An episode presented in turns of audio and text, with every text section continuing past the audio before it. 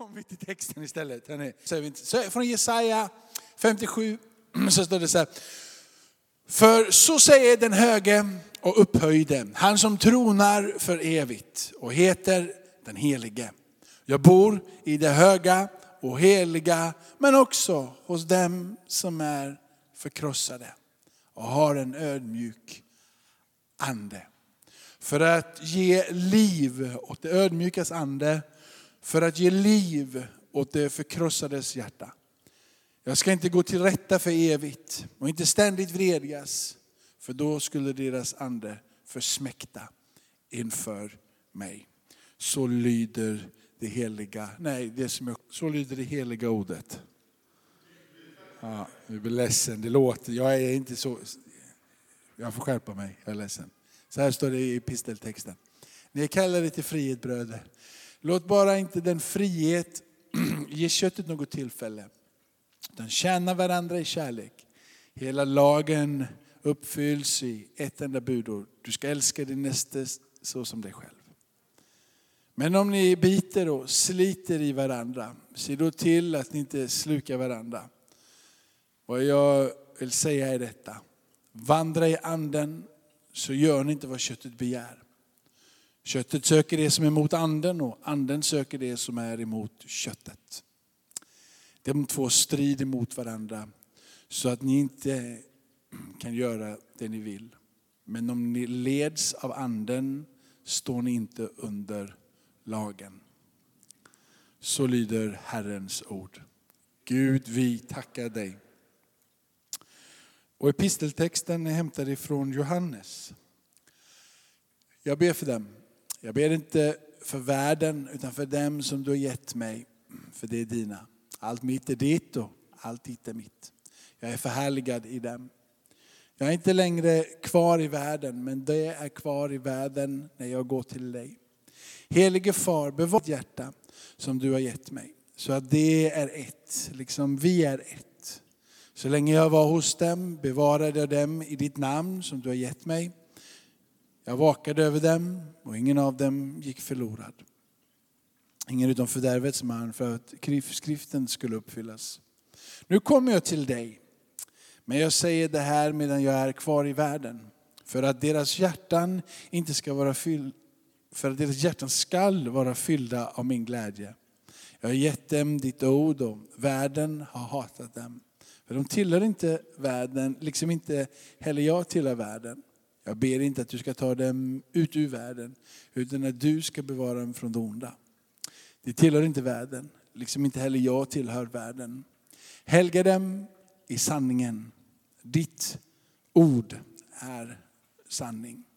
Så lyder det heliga evangeliet. Lovad vare du Kristus. Amen. Hörrni, att växa i tro. Jag skulle vilja på något sätt säga att det handlar egentligen det handlar om Alltså allting i den här boken kan man säga handlar om Jesus. Och allting i den här boken handlar om kärlek. Alltså, allting i den här boken handlar om Gud. Det finns många saker, det finns en röd tråd och allting får sig sammanflätande i några olika saker. Och kärlek är ett sånt återkommande, återkommande tema. Och jag fastnade för, för det som är årgång två i de här texterna som ligger ifrån Johannes, ehm, ifrån Johannes, första Johannes brev kapitel 3. Och där jag ska vara. Men om jag skulle börja säga så här för att få för, för, för liksom inrymma vad, det jag vill, vad jag vill komma. Om jag skulle säga, vad är den högsta mänskliga kvalitet som vi kan ha? Så skulle jag nog vilja adresserar den att den högsta mänskliga kvalitet som finns är kärlek. Alltså när vi älskar, inte bara i ord och fraser, men när vi älskar i handling. När vi, när, vi, när vi ser, när vi bemöter, när vi är medmänniskor i dess fullhet. När kärleken får sitt uttryck. Inte när förälskelsen man och kvinna generellt, men, men kärleken. När den, att det är den högsta egenskapen som, som, som finns hos människan.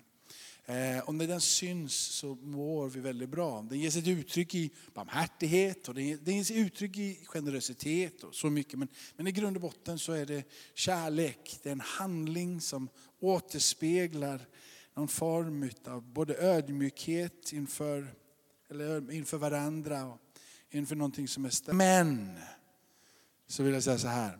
Långt innan kärlek var en mänsklig kvalitet någonting som vi kan adressera till ditt och mitt liv, så är det en egenskap hos Gud själv.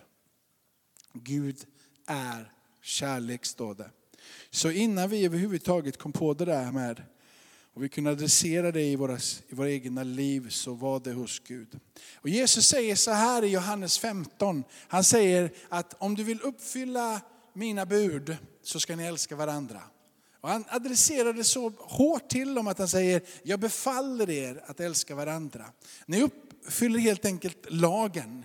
Ni uppfyller allting som är på Guds hjärta, allting som är på Guds agenda. Allting som jag vill demonstrera uppfyller ni genom att ni älskar varandra. Älska är ju ett verb i botten. Liksom. Det är ju inte bara en känsla, eller det är inte en känsla, det är någonting som vi gör. Det syns och det märks. Kärlek har en doft. Kärlek luktar. Och det uttrycket som kommer ifrån Gud att han älskar, det är att han älskade världen så att han sände sin son. Och när Johannes skriver så här i sitt brev, så säger han så här från vers 16. Genom att han gav sitt liv för oss så har vi lärt känna kärleken. Så är också vi skyldiga att ge våra liv för våra bröder. Vi har lärt känna kärleken genom att han ger sitt liv. Han offrar sig och du och jag förstår.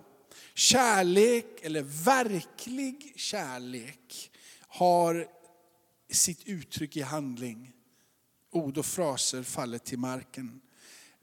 Ehm, en mor som tar hand om sin dotter, för att jag ville kompensera för att jag i söndags bara sa son och far.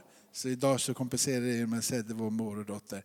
Alltså mor och dotter tar hand, alltså när modern tar hand om sin son så är, är det ju en, det är ju en handling, barnet uppskattar det, men det är inte alltid barnet visar det.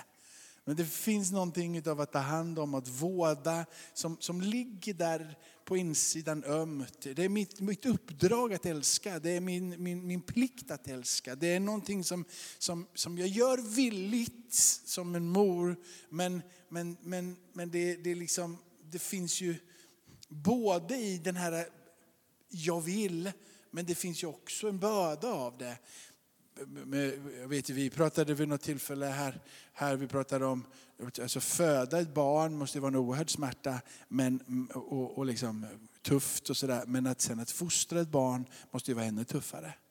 Att fostra hand om det. Jag vet vad det är att fostra barn, jag vet inte vad det är att föda ett barn. Men att ta hand om tre barn och lära dem vad som är rätt och riktigt. Att lyckas sen, nu vet vi, vi har bara kommit en bit på vägen, 16 och 14 och 10. Vi vet inte hur det ser ut längre fram. Men det är ett stort jobb på något sätt. Det var en liten pojk som inte var gammal. En, en, en, jag vet inte exakt, men vi, vi säger att han var åtta år. han hade en lillebror som var krympling. Och han var fyra år yngre, så när han var åtta så var han fyra. Och när den här lilla pojken som var fyra i det här landet som det här utspelade sig skulle börja skolan så börjar man tidigare än vad man gör här. Så man börjar i den där lilla åldern och ska ta sig till skolan. Han är krympling vilket gör att han kunde inte ta sig själv till skolan. Vilket gjorde att hans storebror som är åtta år varje dag fick ta honom på ryggen och bära honom till skolan för att han skulle få den undervisning som var. Detta skedde varje dag. När han kom till skolan så, så stod eh, då, då, liksom, vad han nu hette, den här fader Abraham, den katolska eh, liksom prästen där och, och, och, och, såg de här barnen komma hela tiden och välkomnade dem in i sitt sammanhang. Och, och så där liksom. och, och, det var fint att han sa att hälsade på dem varje morgon och se dem kommer. Och han, han uppfattade dem här morgon efter morgon och han vände sig till den här sonen och sa vad, vad, snäll, vad snäll du är och vad duktig du är som, som, som bär din bror varenda dag. Han bakar och vidare, går vidare. Och när det här har skett upprepade gånger så började den här, den här prästen riktigt att alltså, du gör ett fantastiskt jobb. Hur orkar du varje dag ta på den här bördan som han är med dessa kilo och ta han varje dag till skolan.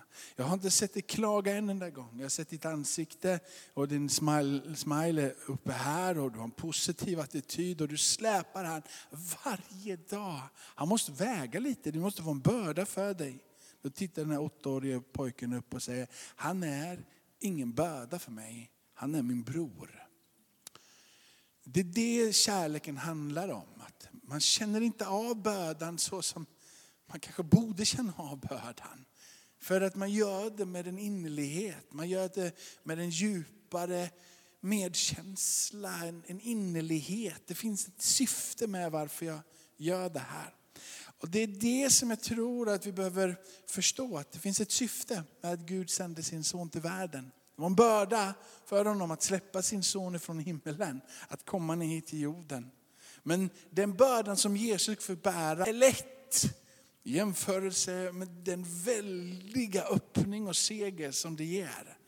Det blir inte tungt att släppa iväg sin son till himmelen för han ser utkommen. På samma sätt som den här brodern kunde bära sin son. Han är ingen börda, han är en broder. Den kärleken som Gud talar om när han säger att han antog en tjänares gestalt och blev människa och bodde här med oss. Det är en osjälvisk och det är en uppoffrande kärlek. Den är helt och hållet utgivande och inte krävande. Den är inte så att jag älskar dig Samuel om du älskar mig tillbaka. Eh, utan jag älskar och jag är självuppoffrande och jag är osjälvisk och jag är utgivande. Vare sig jag får någonting tillbaka när Jesus dör på Golgata och bär hela världens synd så gör han det innan någon enda av oss har gensvarat och sagt sitt ja och sitt amen. Den är helt och hållet utgivande. Kräver ingenting tillbaka. Det största beviset i de här texterna som går vidare här, jag kan läsa hela texten kanske. Vi läser från vers 16 ner till vers 24. Eh, om någon vers 16 är, genom att han gav sitt liv för oss har velat känna kärleken, så också vi skyldiga våra liv för våra bröder. Om någon har jordiska ägodelar och ser sin broder lida nöd, men stänger sitt hjärta för honom, hur kan då Guds kärlek förbli honom? Kära barn, låt oss inte älska med ord eller fraser, utan i handling och sanning. Då vet vi att vi är av sanningen och inför honom kan vi övertyga vårt hjärta. Om det, eh, om det fördömer oss, att Gud är större än vårt hjärta och vet allt. Mina älskade, om hjärtat inte fördömer oss har vi frimodighet inför Gud. Och vad vi än ber om, det får vi av honom. Eftersom vi håller hans bud och gör det som glädjer honom. Och detta är hans bud, att vi ska tro på hans sons namn, Jesus Kristus. Och älska varandra så som han har befallt oss. Den som håller fast vid hans bud förblir i Gud och Gud i honom och att Gud förblir i oss. Jag tror att ibland så kanske det är lättare att säga att jag är redo att dö för någon än vad det är att leva för någon. Att leva för någon är nog svårare än att säga jag är redo att dö för någon. Att leva innerligt, att leva ta hand om någon, att stå upp för någon, att bära någon annans börda. Att leva, är ni med? Bra mycket jobbigare och en mycket längre resa än att säga jag är redo att dö för någon. Det är bara att ta en kul liksom, på något sätt, även om det är ett stort offer, men att leva för någon. Och det är det som Gud gör. Han väljer att leva för oss så att vi kan leva för honom. Han väljer att leva för oss och dö för oss så att vi kan få stiga in på den platsen tillsammans med Gud. Att leva för någon handlar om att sätta andra behov före sitt eget. Och här kommer väl vi till korta allihopa, eller? Det är, det är inte lätt att, det är bara att ta den där med att, menar att liksom, du vet gyllene regeln. Att man ska liksom göra så som ja, man helst vill att någon annan då ska göra mot mig och så vidare. Och det funkar ju inte ens i ett äktenskap. Liksom. För du bråkar ju om vem som har tagit ut diskmaskinen. När det, när det mest vettiga vore att jag tar ut diskmaskinen för jag älskar henne. Eller hur? Men vi kommer tillbaka till de här sakerna. Vi har höga saker, höga ideal och vi säger de vettiga sakerna. Men vi tillämpar det på, på, på nästan ingenting i våra liv. Så plötsligt ska vi ha schema för att jag ska, jag ska liksom flytta bilen på torsdagar och, du ska flytta den på onsdagar om man nu bor i sådana tidszoner man inte får stå på samma gata. Eller du går ut med toalettstolen eller på sämre med soporna. Vad det nu än må vara. Som, som, ja, men tänk, om, tänk om du har sån där, du köper en sån där dass på Biltema som du har, som du har på Agne. Eller Gå ut med den där, det är inte roligt. Och det får jag göra varenda gång när vi har, eh, har varit iväg med sånt där. Helena vägrar. Och jag känner, jag känner att, vet inte om hon älskar mig men... Ja, men tillbaka till det här nu. Det är ditt fel Samuel igen. ja. Det, var, det, finns en, det, finns en, församling i USA, i Los Angeles, som heter Dream Center. Deras pastor där har myntat ett uttryck. Han sa att finn ett behov och fyll det. Och lite av det här är det som, som Jesus här pratar om. Han pratar, pratar om att inte göra det med, med, med ord och med fraser, utan med handling. och det är väldigt, vad finns runt omkring oss som vi faktiskt kan göra? Och här har vi som kristna kanske det här dåliga samvetet som äggar oss. Ehm, vi har, en, vi har, vi har hur vi ska vara frikostiga med våra ägodelar, med vår tid. Vi ska vara generösa generellt. Och så, så kommer man in på den här resan så kommer man ofta i bakvattnet och så får man det dåliga samvetet för man ser massor med behov och man fyller inga behov. Ja, jag tror vi kristna är specialister på att ta dåligt samvete. För vi vet vad som är rätt men vi gör väldigt lite. Men vi måste komma ihåg att det finns inte någonstans i Bibeln som vi ska ha det här dåliga samvetet. Och i den här texten så är, vi, är, är faktiskt han, eh, Johannes inne, inne med det här. Han, han, han pratar om att, att Gud är större, det han säger. Gud är större, Gud vet allt. Han vet ditt hjärta. Han är större än ditt samvete. Han, han kan ta hand om ditt samvete också. Liksom när du känner att jag nu duger inte till som kristen, jag uppfyller inte alla de där saker som jag borde göra. Så han större än det med. Han vet allt. Så när vi känner att vi kommer in på den där platsen så finns det inte utrymme i den här kärleken som Gud talar om. Att ha det här dåliga samvetet. När jag blev tillsammans med Helena så bodde jag i Göteborg och hon bodde i Stockholm. Och när vi skulle träffas så fick vi ta någonting som heter flygplan. I denna tid fungerar inte, flygplan finns inte längre. Så om ni får barn den här tiden när de växer upp, kanske inte ens vet vad flygplan är. Som mina barn inte har en aning om vad en videokassettspelare är. Och, sådär. Vi kanske flyger omkring i rymdfarkoster om några år, man vet ju inte. Va? Men, men då fanns det ett flygplan och det var dyrt att flyga. Och, men jag var kär, så det var, och det, att sitta på tåget upp, du förlorade ju flera timmar. Så det viktiga var ju att komma, när man slutade jobbet så var det viktigt att komma till, till Landvetter så snabbt som möjligt och in i flyget så snabbt som möjligt och upp till Stockholm så snabbt som möjligt in till, och så man fick träffa henne så snabbt som möjligt. Mm, och det var ju väldigt smidigt och, och, och, och kostade pengar. Men jag skulle inte vilja säga att det var dyrt. Eller hur? För varför? För att det fanns inget pris som, som kunde bli för dyrt.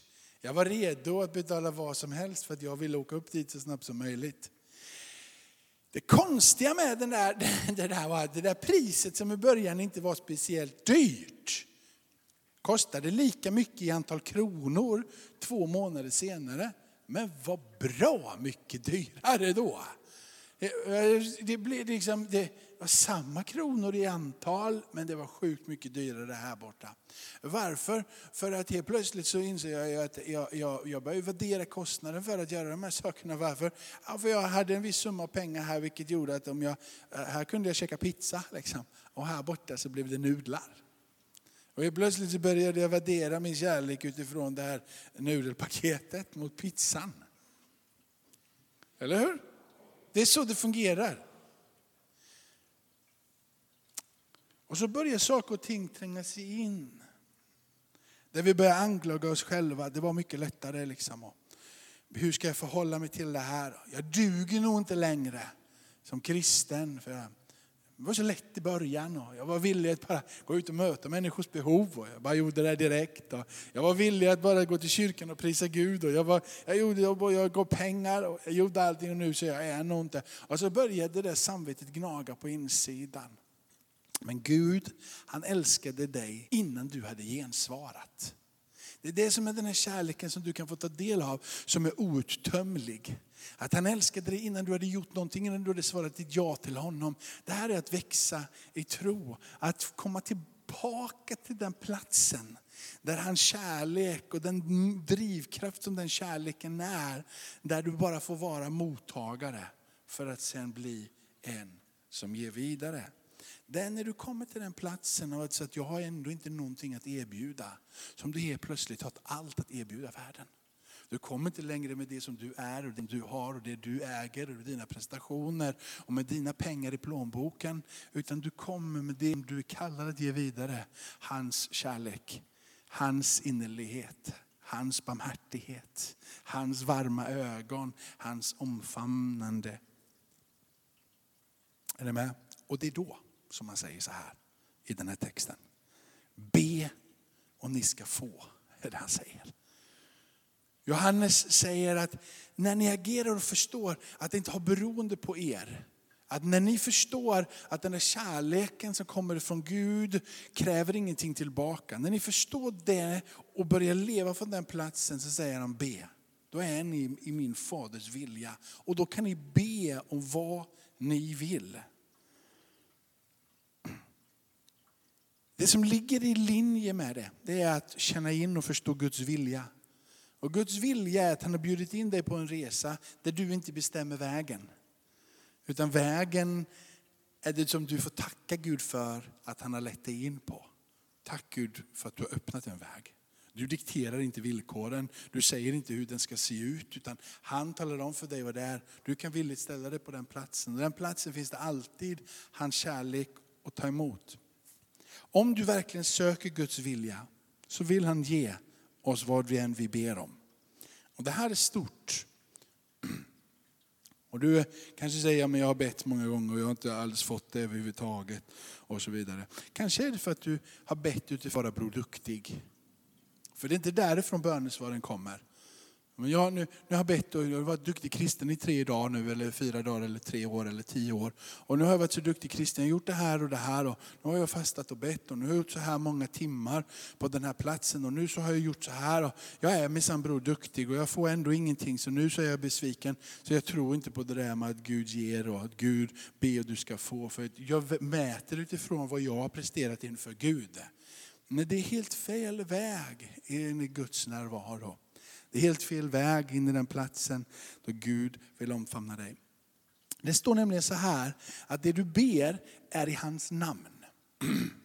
Och när man ber i någons namn så, så känner, det är en sak att säga, jag, jag, jag, ja men, alltså, se någon, om jag, Kenny, vi känner varandra på ett plan. Men vi måste ju erkänna för varandra att om vi ska lära känna varandra så behöver vi prata med varandra och umgås med varandra. Det är en sak att säga så här, jag känner Kenny vid namn. Men när jag har umgåtts med dig så är det en helt annan sak att säga, jag känner Kenny vid namn. Det är, det är två olika saker men det är samma uttryck för det. Ibland kan man ju till och med känna, jag pratade med en efter en gudstjänst här. Och, och så, så, så, min känsla var att vi har, vi har ju aldrig pratat, sa jag. Så, att, så, och jo, vi har pratat jättemånga gånger, sa hon. Ja, ja, ja, ja, då har vi väl det, säger jag. Men min känsla är att vi nästan aldrig har pratat. Men sen så börjar hon säga, klart att jag, ju, jag är ju här varje söndag liksom, och jag hör dig prata. Och min, det kanske är så att du har pratat väldigt mycket med mig. Och hon, hennes upplevelse var att vi faktiskt hade pratat väldigt mycket. Och min upplevelse är att vi knappt har sagt ett ord till varandra. Det är inte det förhållandet, eller hur? Utan det är ju den där när vi känner varandra. Och när det kommer till Gud så är det så här att han vill inte bara att du ska känna till honom, eller jag känner hans namn. Han vill att du ska känna honom. Han vill att, att du ska förstå vem han är. Han vill att det som Bibeln pratar att du, att du att han får vara ditt objekt för din tro. Att han är där borta. Det, så här, ja, men, jag gillar att be. Kul. Varför gillar du att be? Ja, jag mår bra när jag ber. Okay. Det, jag är ju snarare tvärtom. Jag tycker du faktiskt är det tråkigt att be. Det är inte så att jag bara slänger mig, nu ska jag ut och be. Men däremot så ber jag. Och jag har en struktur på det, så mitt mål är två timmar i bön om dagen. Så det är inte så att jag säger det här glättigt. Det är en på morgonen, antingen mitt på dagen en timme eller en timme på kvällen. Plus de här gudstjänsterna när vi är samlade så där. Så jag, mitt mål är att vara i, vara i bön på riktigt. Men det är inte så att jag gillar bön. Men min Gud gillar jag att umgås med. Han jag tror på vill jag vara i kontakt med. Och då måste jag ju be. Och jag, en, del, en, del, en del älskar ju att prata. Och det kan jag ju säga. Det kan jag, en del älskar att lyssna, eller hur? Men det är ju inte det som är preferensen när det kommer till att umgås med Gud. Utan det är ju vem Gud är som är det centrala. Lika viktigt, din tro är ju inte heller speciellt viktig. Men den du tror på är ju viktig. Är på samma sätt när det kommer till den där kärleken som vi pratar om att växa i tro, så är det inte så mycket som hur mycket du agerar som är det centrala. Utan vem som är källan till hur du agerar. Den som du ska hitta drivkraften ifrån. Att dra och hitta. Namnet säger vem han är. När du ber i det namnet och du känner det namnet. Du vet vad det namnet står för. Du vet hans karaktärsdrag. Du vet hans vilja. Så landar du på, hej då Pim. Vad jag vill säga är så här. När Jesus säger någonting i ordet så tror inte vi på det bara för att Jesus har sagt det. Utan vi tror på det för att han är det. Vi har mött med honom så vi känner hans karaktär. Eftersom vi känner hans karaktär och hans personlighet så lyssnar vi på vad han säger. Det mest patetiska det är ju människor som egentligen säger, det står här så jag tror det. Men den som säger, jag tror här för jag känner honom. Jag har mött med honom. Jag vet vem han är. Och eftersom han som jag känner och vet vem det är har sagt det. Så vill jag ta det till mig. Och jag vill låta det bli ett med mig.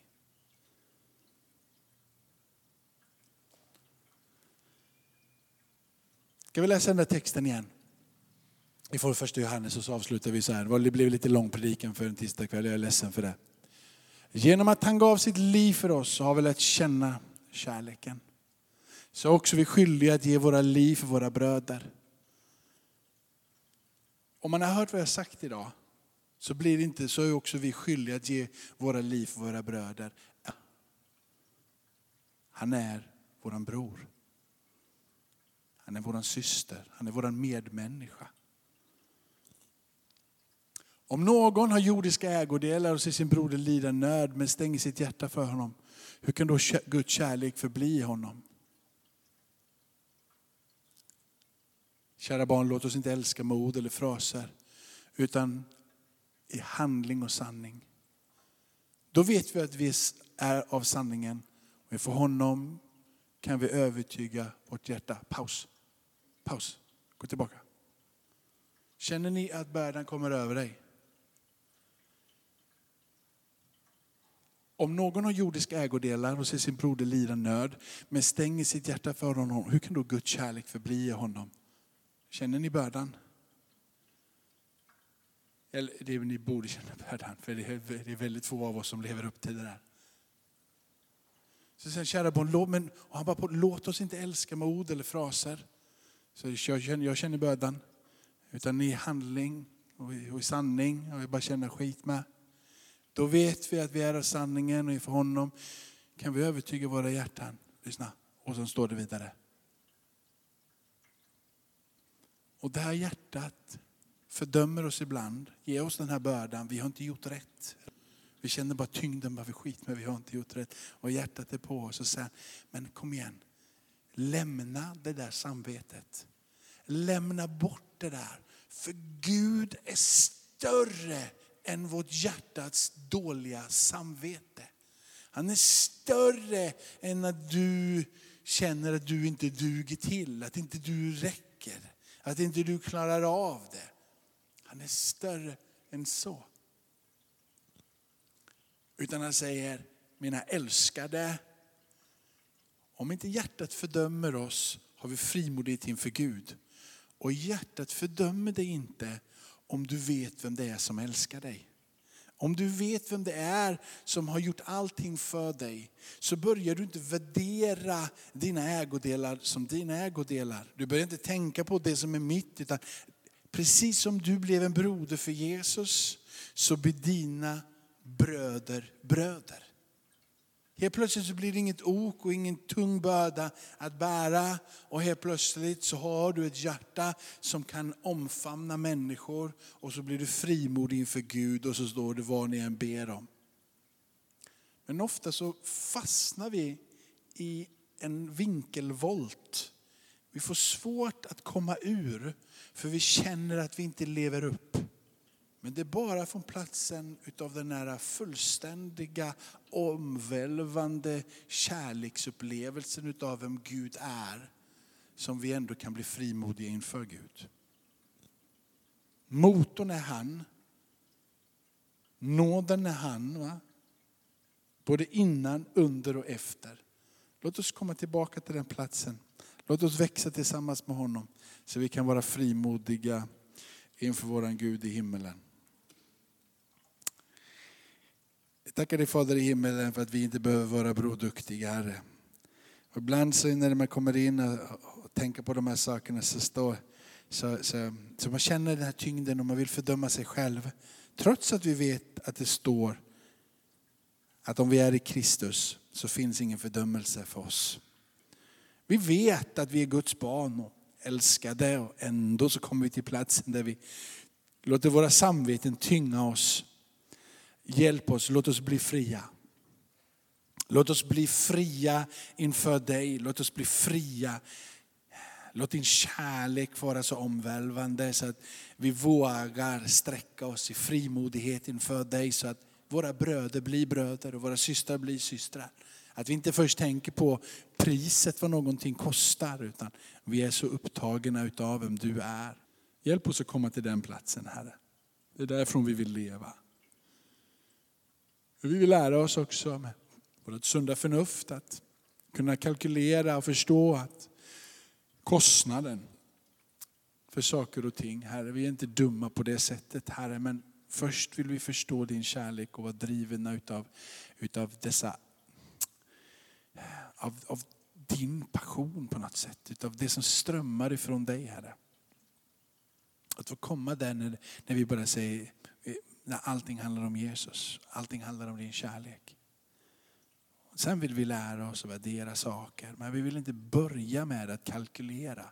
Vi vill inte börja med att beräkna risker och kostnader, utan vi vill börja på platsen av tro, av liv.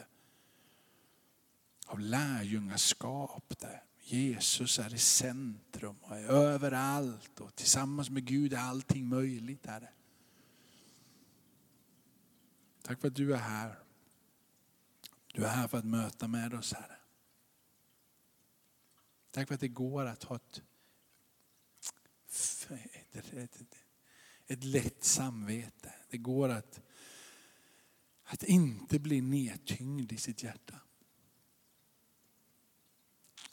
Tack för att vi fick idag läsa psalm 57 att du bor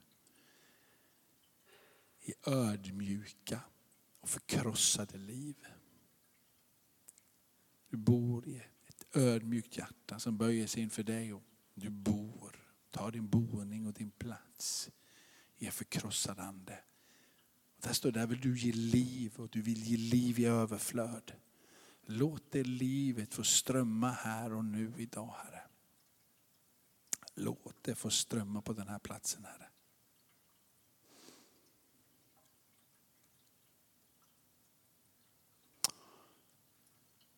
Amen.